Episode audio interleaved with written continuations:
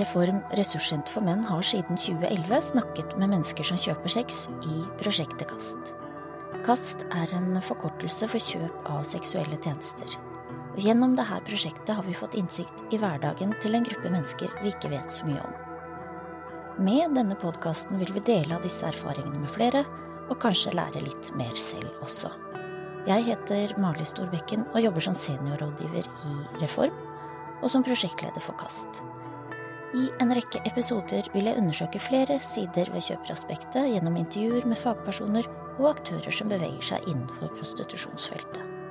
Velkommen til KAST podkast, podkasten om sexkjøp. I dagens episode skal vi få mer kunnskap om hva slags tilbud som finnes for deg som kjøper sex, og vil sjekke deg for kjønnssykdommer med sykepleier Tale Stoa.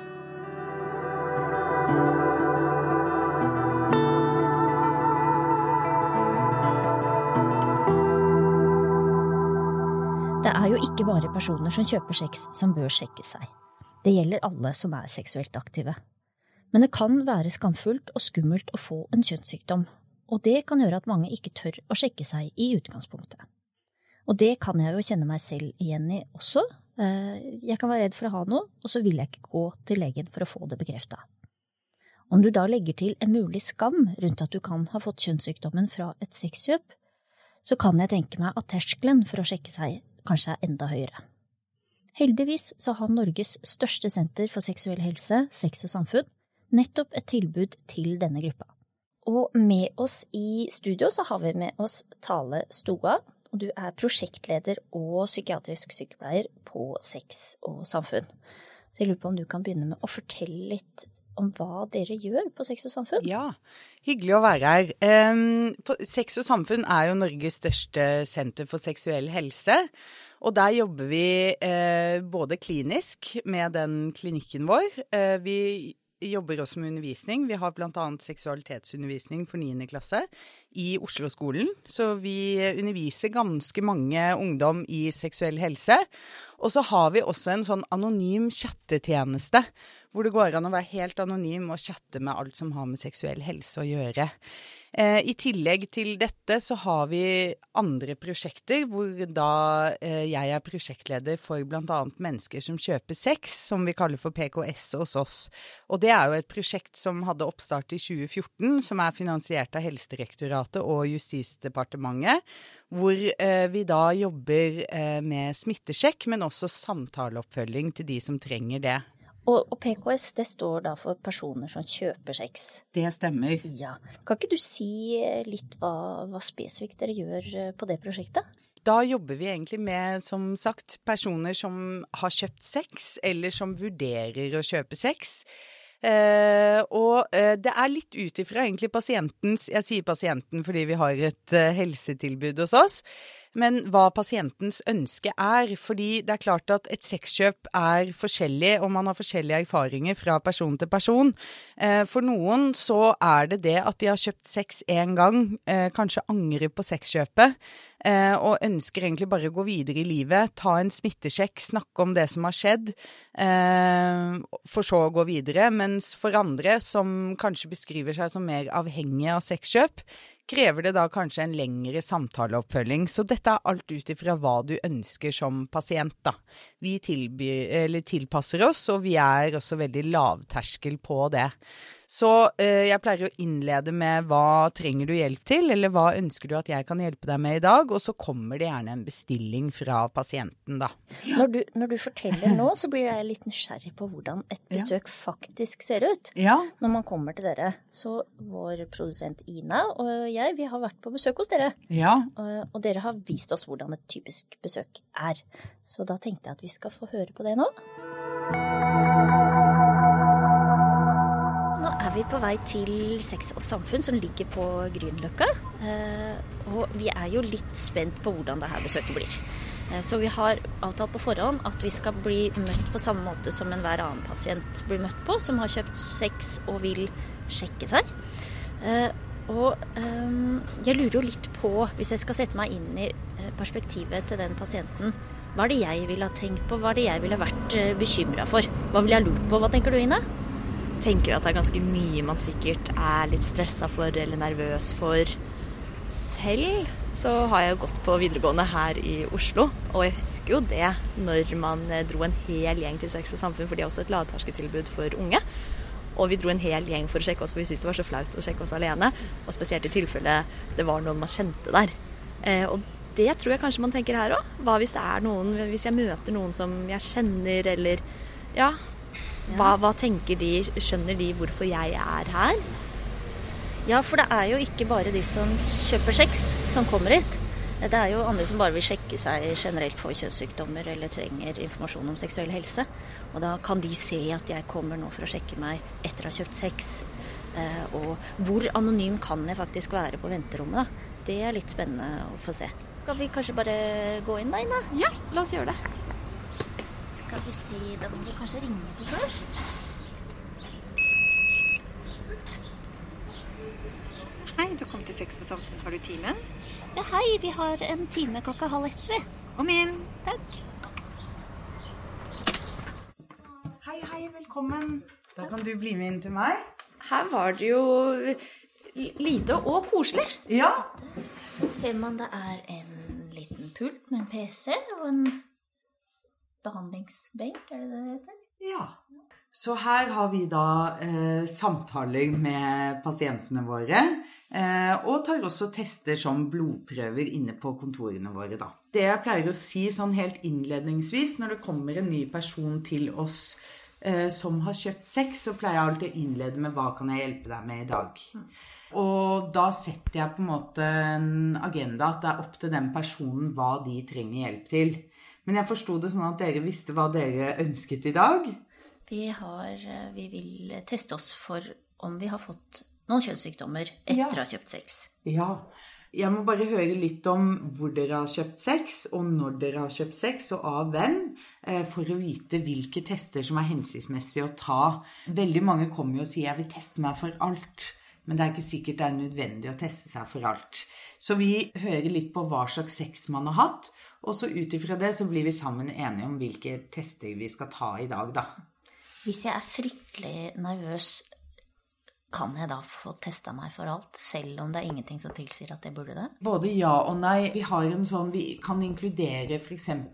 hiv etter pasientens ønske. Men jeg prøver å ikke teste unødvendig, fordi jeg tenker at det bidrar til økt frykt. At det er en Ok, de tar den testen, så da må det foreligge noe realitet oppi det hele.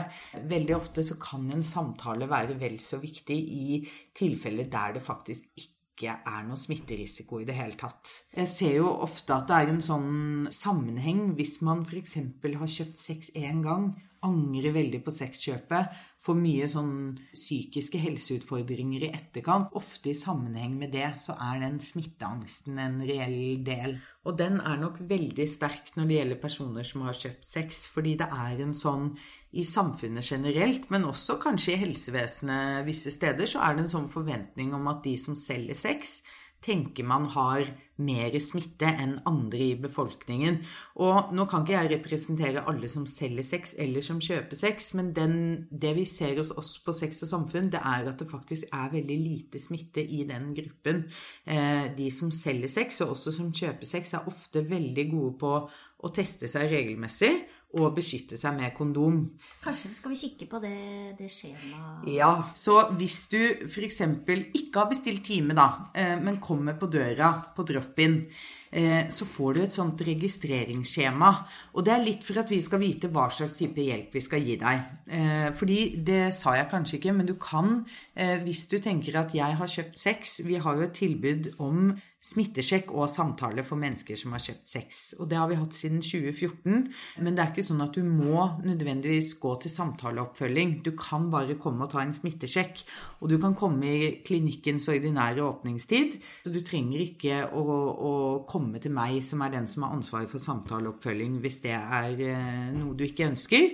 Det eneste da, da fyller du ut et registreringsskjema hvor du beskriver hva slags type sex du har hatt. Og ut ifra hva slags type sex du har hatt, så er det en indikasjon for hvilke prøver vi tenker er viktige å ta. Det er faktisk veldig mange som har kjøpt sex som har brukt kondom, eh, og da forelegger det egentlig ikke noen reell grunn for å ta en smittesjekk. Eh, da kan en samtale være vel så nyttig. Men det er viktig da å For vi har da en liste med om du f.eks. har hatt ubeskyttet sex med menn som har sex med menn, med personer som har kjøpt, solgt eller byttet sex det siste året, personer som benytter rusmidler i sprøyteform, eller personer som bor eller har sex i et land utenfor Norge. Eh, svarer du ja på noen av de spørsmålene, så kan det være en indikasjon for en utvidet smittesjekk. Og det vil si, i en vanlig smittesjekk så tar vi en selvtest for klamydia og gonoré. Trenger man en utvidet smittesjekk, så kan man kanskje uh, ut ifra hva slags sex man har hatt, ta en halsprøve som sjekker for gonoré. Man kan ta uh, en blodprøve som sjekker for hiv, syfilis og eventuelt hepatitt B, hvis man har behov for det.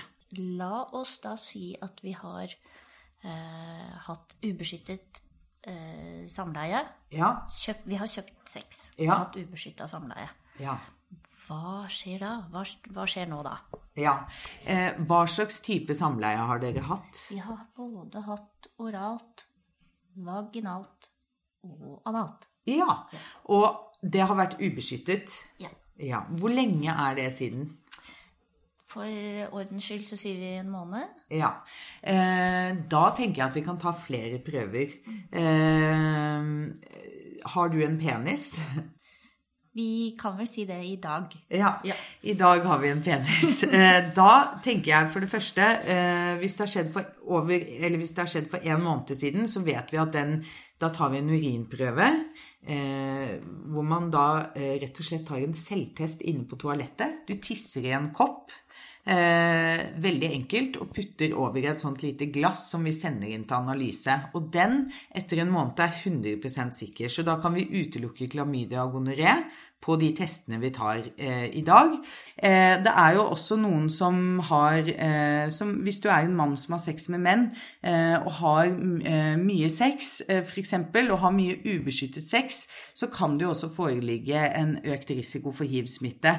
Og da kan man også Vi har andre tilbud på Sex og samfunn. Da kan man f.eks. være aktuell for eh, å gå på noe som kalles for PEP eller PREP, som er sånn enten forebyggende hiv-behandling, hvor man kan ta tabletter som utgjør en veldig mye, mye lavere risiko for hiv, eller man kan ta det i etterkant, som heter da PEP, eh, av et risikofylt sex. I ditt tilfelle, hvis du har hatt ubeskyttet oral, vaginal og anal sex, så tenker jeg at vi tar en utvidet smittesjekk, hvor vi tar eh, test for klamydia, gonoré, vi tester hiv, syfilis og eventuelt hepatitt B om du ikke er vaksinert mot det. Kan ikke du ta oss eh, med nå til alle disse testene vi må Jo, igjennom? Har du absolutt. lyst til å ta med oss Ja. rundt? Ja. Så du kom med litt av en boks Ja, med utrolig er- mye greier i. Ja, dette er egentlig boksen vår for hurtigtest hiv. Fordi det nevnte jeg kanskje ikke i stad. Hvis, hvis det foreligger risiko for hiv-smitte, sånn som kanskje dere beskrev, kanskje det er en eh, Kanskje det foreligger en risiko der, og det er indikasjon for å ta en utvidet smittesjekk. Da vil vi ta eh, Jeg nevnte jo for dere at vi eh, vil ta en Nei, en urinprøve først eh, fra penis som eh, kan ekskludere eh, klamydia og gonoré. Og den gjør man helt på egen hånd på toalettet. Det er ikke smertefullt. Det er en sånn, Tidligere så puttet man et sånt bitte lite bomullsrør inn i penis. Og jeg tror det henger igjen en sånn myte at det er sånn man tar en selvtest. Gjør man ikke det lenger? Nei, nå tar man bare en urinprøve. Så det eneste man gjør, er å tisse i et glass. Eh, og når man har tisset i det glasset, så selv inne på toalettet, så tisser man, tar litt urin oppi en sånn pipett og heller oppi et glass. Det er veldig enkelt. Eh, dere kan være med inn på toalettet, så skal jeg vise dere. Har på klærne. Nå det- Ja, da kan vi gå inn her. Dere stiger på. Dette er jo det minste toalettet, men siden det er klinikk, så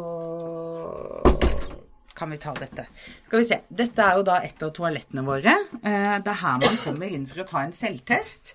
Og da, ut ifra hvilken test man, eh, man skal ta, så står det både på norsk og engelsk hvordan man tar eh, denne smitteprøven. Så du skulle ta en smitteprøve fra anus. Da står det beskrevet på veggen hvordan man gjør det. Det virker ganske rett frem, egentlig. Ja. Det er veldig rett frem, faktisk. Brukerfeil ser vi veldig sjeldent. Urinprøve, så er det bare rett og slett å tisse i glasset.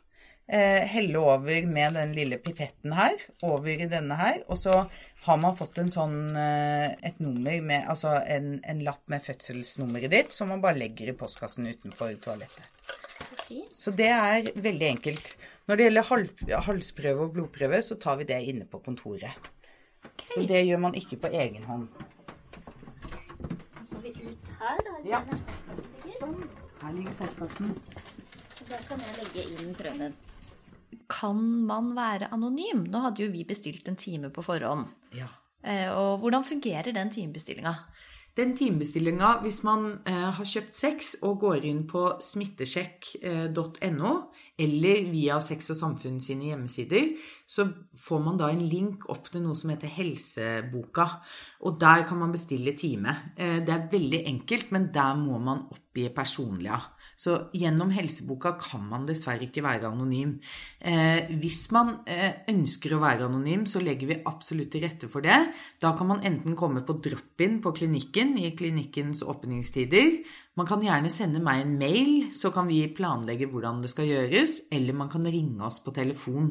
Så vil vi opprette en sånn eh, eh fiktiv journal som, som, eh, hvor da pasienten selv velger et navn. Eh, man velger kanskje den datoen i dag som fødselsdato, men lurt å velge det året man faktisk er født, sånn at de som analyserer prøvene, ser eh, hvor gammel den som har tatt prøven, faktisk er. Eh, det er veldig mange som kommer hit som er redde for at f.eks. at fastlegen kan lese at man har vært her. Eh, men vi har et helt lukket datasystem, og det er ingen andre helseinstanser som kan se at du har vært her hvis du velger å ikke være anonym. Vi samarbeider heller ikke med politi eller andre instanser, så det er helt trygt å også oppgi personlig. Så Eh, la oss si at det var jeg som kom hit og ville mm. sjekke meg. Mm. Så kunne jeg bare Jeg heter jo Mali og er født i 89. Mm. Men da hadde jeg sagt jeg heter Malin mm. og er født i 89. Og så tar vi dagens dato. Absolutt. Og det er en veldig fin mulighet at det går an å være anonym, fordi eh, dette, er, dette feltet som dere eh, sikkert er veldig enig med meg om, er tabubelagt og skambelagt. Og det, det, krever mye for det mennesket å be om hjelp i etterkant, ofte. Eh, dette er noe man skammer seg over, og eh, noe som man kanskje det har kanskje stritt imot egne holdninger og verdier. Man har kanskje dårlige følelser om seg selv, som selvforakt. Mange opplever uh, dårlig samvittighet, sånne typer følelser i etterkant. Og det bidrar jo ikke til å be om hjelp. Så jeg tenker at her kan du komme. Vi er veldig vant til uh, å hjelpe mennesker i uh, lignende situasjon. og her kan man være seg selv uten å bli påført ytterligere skam og stigma for det som har skjedd. vi vil bare rett og slett hjelpe deg. Kjøper du sex og ønsker å snakke om det? Kast er en gratis og helt anonym samtaletjeneste for deg som kjøper sex. Vi tilbyr personlig rådgivning på dine egne premisser i Oslo eller på telefon. Finn mer informasjon og kontakt oss for en samtale på Reforms hjemmeside, reform.no. Da ble jeg litt mer klok, i hvert fall, på hva som foregår når man er på besøk hos dere. Eh, og vi i Reform og dere i Sex og Samfunn, vi samarbeider jo en del. Ja. Eh, og, vi, og, det er jo fordi at vi jobber mot samme målgruppe. Mm. Selv om tilbudene våre er litt forskjellige. For dere har jo først og fremst et fokus på yngre mennesker. Det går litt på at Sex og Samfunn ofte har henvendt seg til litt yngre mennesker. Men alle, alle, aldre kan jo egentlig komme til dere under PKS-prosjektet. Ja, det stemmer. Det, er, eh, det ordinære tilbudet til Sex og Samfunn er for personer som er opptil født i 97 eller under 25 år. Men så har vi eh, flere prosjekter hvor det, ingen, hvor det, ikke er noen aldersbegrensning, og PKS er en av de. Så der er alle kjønn velkomne, og uavhengig av alder og andre ting. Så Så der følger vi mennesker som er alt fra 70 til, nei, 17 til 70 år. Så, men det kan, vi, vi treffer nok også en Fordi vi har denne smittesjekken, eh, den kliniske biten av prosjektet, så treffer vi nok eh, mange som kanskje tenker at de ikke trenger samtale, men som kun ønsker en smittesjekk. Og så blir det en sånn inngangsport til kanskje en videre samtale, da. Ikke sant. Fordi det er det jeg er litt nysgjerrig på. Fordi vi har jo mest fokus her i Reform og på KAST-prosjektet på den terapeutiske delen. Mm. Så jeg ser jo for meg at vi møter litt forskjellige type personer. Eh, Så eh, kan ikke du liksom beskrive hvem er det som kommer til dere? Ja, vet du hva? Det, eh, det er ikke noe fasitsvar på hvem som kommer til oss, for dette er så sammensatt og kompleks, komplekst, og det fins eh, veldig mange mennesker som har kjøpt sex, som gjør det av veldig ulike årsaker. Men det vi ser, er at det kommer mennesker i alle aldre, fra alle samfunnslag. Eh, alle etnisiteter. Eh, vi ser at det er mennesker med god råd, med dårlig råd. Eh, at det er unge og eldre. Eh, og de eh, Noen, som jeg sa i stad, har kjøpt sex én gang, mens andre gjør dette regelmessig. Eh, og det er ofte eh, Noen syns det er helt greit å kjøpe sex, og har ikke så mange konsekvenser i etterkant, annet enn å kanskje være redd for å bli tatt av politi eller fra en partner, eller redd for å rett og slett bli oppdaget fordi man lever et dobbeltliv. Mens, og kanskje har noen økonomiske utfordringer fordi det koster mye penger å kjøpe sex. Mens andre eh, mener dette strider helt imot hvem de er som mennesker, og får mye angst og skam, og syns dette er ganske sånn forferdelig å ta med seg videre i livet i etterkant. Så det, vi ser hele spekteret hos oss. Eh, men vi ser at ca. halvparten er unge mellom sånn 20 og 40 år. Så det, den stereotypiske antagelsen av den som kjøper sex, den ser vi ikke stemmer, i hvert fall av de som kommer til oss. Ikke sant. Ja. Vår produsent Ina Slaveikov har vært en tur på Karl Johan og spurt folk om de tror noen i deres omgangskrets kjøper sex. Så da syns jeg vi skal høre litt hva folk sier. Kjenner du noen som kjøper sex? Nei. Ikke som jeg vet om. Ja.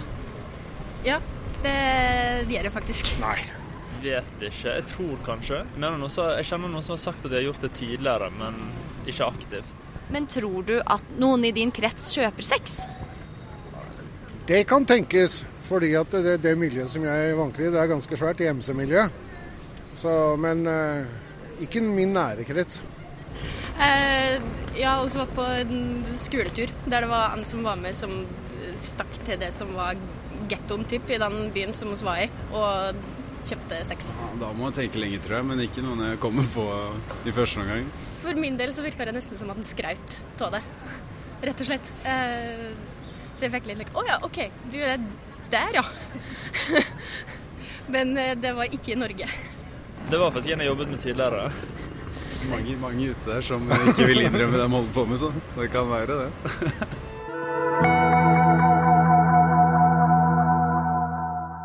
Så lurer jeg jo på eh, hvorfor er det hvorf, Hvorfor kjøper man sex? Hva tenker du om det? Nei, det også er veldig mange ulike årsaker, og helt individuelt eh, hvilke fordeler det gir akkurat dem.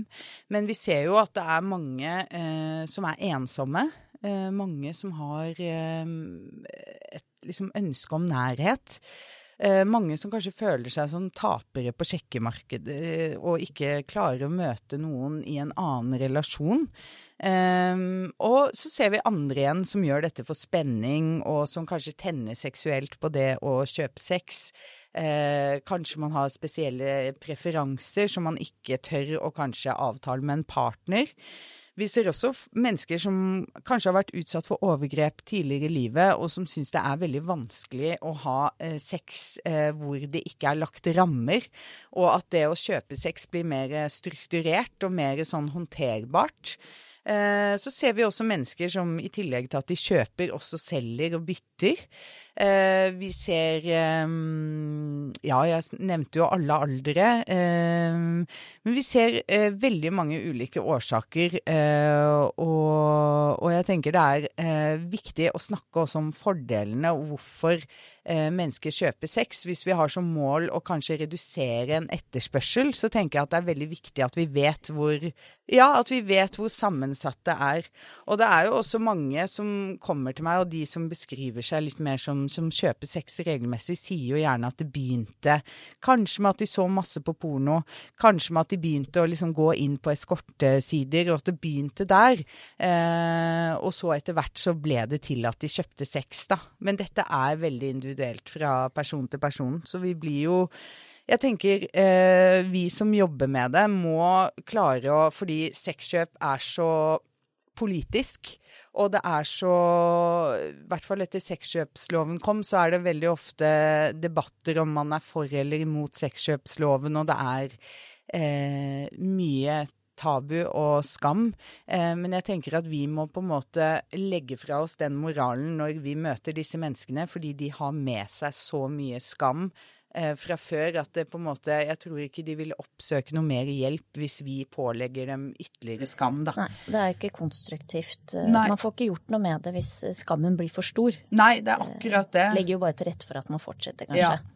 Og så tenker jeg også at det er noe med forventninger. Vi har jo mange unge som kommer til oss som tenker at andre har seksuelle erfaringer, eh, og tror at alle har erfart så mye mer enn dem selv, og det stemmer nødvendigvis ikke. Så jeg tenker at det første stedet er jo seksualitetsundervisningen, å normalisere for unge mennesker eh, hva sex er, og hvor vanlig det er å faktisk ha de erfaringene de to, tror alle andre har, da. For det stemmer nødvendigvis ikke. Og så ser vi jo ofte av de som kommer til oss, at rus og alkohol er involvert, og at det gjør at de kanskje kjøpte sex, noe de aldri ville gjort hvis de var edru, da. Så det er også viktig å ha med. Mm. Mm. Det er jo Får vi jo høre litt i denne historien til vår anonyme klient. Ja. Nettopp hvor mye alkohol er med å trigge mm. sexkjøpet. Mm. Så ble jeg litt nysgjerrig når du sier dette med spenning. Mm. Eh, for det gjenkjenner jeg jo mm. eh, fra de jeg har snakka med. At det er mm. det som At man søker en viss spenning. Mm. Eh, men hvorfor får man ikke den samme spenningen hvis man f.eks. har en one night stand? Altså hva er forskjellen? Hvorfor er det mer spenning i et sexkjøp for noen? Ja, det er jo mange som sier at de hovedsakelig gjorde det for spenning, men kanskje ikke det var så spennende som de kanskje forutså. Eh, men det er vel det at du kanskje avtaler mer At det, er mer avklart hva du kan gjøre i den relasjonen. Så du kan kanskje teste ut ting du ikke ville turt hvis du møter noen gjennom et one night stand, eller du Kanskje. Men, men Og så er det jo kanskje noen som syns det er litt spennende at det er ulovlig også. Og eh, kanskje de eh, jeg, Fordi det sa jeg kanskje ikke i stad, men vi har jo også personer som selvfølgelig er enslige, men, men også noen som lever i parforhold, som har en relasjon som er eh, som kjøper sex selv om de egentlig ikke ønsker det, men eh, de lever et dobbeltliv og vil ikke bli tatt. Og da er det lettere eh, og mer avklart å kjøpe sex. Enn å eh, være, ja, tenker, ha, en, ha, en, affære? Ja, da er, det, da er det kanskje ikke så mange vitner, eller kanskje ikke så mye som kan gå galt når det gjelder å bli avslørt, da, på et vis. Eh, tilbake til tilbudet deres. Mm. Eh, hvem er det som burde ta seg en tur til dere? Altså hvem er det som egentlig bør sjekke seg? Ja, når det gjelder smittesjekken, eh, så tenker jeg, og det er uavhengig av prosjektet, men alle mennesker som har sex med en ny partner uten å bruke kondom, eh, burde ta en selvtest sånn primært for klamydia og gonoré. Og så spørs det jo litt hva slags type sex man har. Så kan man teste for andre ting hvis det er indikasjon eller grunnlag for det, da. Men jeg tenker sånn for mennesker som har kjøpt sex eh, så tenker jeg hvis du da har kjøpt sex, og det ikke har vært brukt kondom, eller at du kanskje var full og ikke husker om kondomet ble brukt riktig, så tenker jeg eh, bare kom og ta en sjekk. Vi er eh, Du kan være helt anonym. Vi har taushetsplikt, og vi jobber med dette daglig. Så det er, du er hjertelig velkommen. Så lurer jeg på tallet. Eh, hvordan har de det, de som kommer til dere? Er de redde, eller er de bekymra? Ja. Eh, det er også ganske individuelt, men veldig mange eh, er redde på en eller annen måte. Enten redde for å bli tatt eh, av politi, eller redde for å ha pådratt seg en seksuelt overførbar infeksjon. Eller kanskje redde for å miste partneren sin. Eh, så det er mye redsel hos de som kommer til oss av ulike årsaker, da. Um, og jeg tenker at det er vel så viktig, som jeg nevnte når dere var innom klinikken, å eh, kanskje snakke om smittemåter og smitterisiko. Eh, det, det, kan være like nyttig som eventuelt å ta en smittesjekk. For det er, det er, ikke alle som trenger å være så bekymra som de er. Nei, og det er veldig mange som, som er sånn eh, tester seg altfor mye, rett og slett, for å prøve å få en kontroll eh, i en verden hvor det er vanskelig å ha kontroll. Eh, og jeg tenker man må stole litt på de prøvene som tas, og stole litt på at helsepersonell også kan bidra til å være med i de vurderingene om det er nødvendig å ta tester. Eh, så det er liksom viktig. Ja. Er det mange som går ut med litt sånn lettere skuldre etter en tur til dere? Jeg håper det. Ja. Eh, jeg håper at vi kan bidra eh, til å fortelle om hvordan infeksjoner smitter, og kanskje at det kan være en lettelse å snakke om følelser som ofte har blitt holdt inni seg. Det er vanskelig for mennesker, fordi dette er så skambelagt i samfunnet, å snakke med andre om sexkjøpet. Så jeg håper at det gir både en sånn eh, lettelse av å få ut følelser, men også kunne ta nødvendige tester, da. Og eh, hvis du skulle sagt noe sånn siste til de som sitter hjemme og hører på nå, eh, som har kjøpt sex, eh, mm. og som kanskje lurer på om de burde ta seg en tur. Har du noe du vil si til dem? Jeg tenker hvis du lurer på det, så er det verdt å ta et uh, besøk. Uh, dere er hjertelig velkommen til oss. Og sammen med Reform, vi har jo som du sier en felles målsetning om å hjelpe mennesker både det fysiske og psykiske aspektet, og jeg tenker at det er så fint hvis man tør å be om hjelp. Eh, dette er ikke noe som er fremmed for noen av våre organisasjoner, og vi, er, vi tåler å, å møte det som kommer. Eh, det er ikke noe som sjokkerer oss i en sånn eh, terapeutisk relasjon eller smittesjekk eller eh, Og der kan man være seg selv og få hjelp til det man trenger. Så ta kontakt. Ta kontakt. Tusen takk for besøket, Tale, og for at vi får fikk komme på besøk til dere. Det var det, veldig gøy. Det var bare hyggelig. Dere er velkomne når som helst. Kanskje vi kommer og tester oss, Ina? Ja. og ikke minst, tusen takk til deg som har uh, hørt på. Og følg med i neste episode, for da får vi besøk av sexolog og psykiater Håkon Aars og lege Simon Ertseid, som skal snakke om porno, sexkjøp og prestasjon. Prosjektet KAST er støttet med midler fra Justis- og beredskapsdepartementet. Musikken du har hørt er skrevet og fremført av Arne Håkon i Cellar Light. Produsent og tekniker er Ina Slaveikov. Ansvarlig redaktør er Are Såstad. Og mitt navn er Marley Storbekken.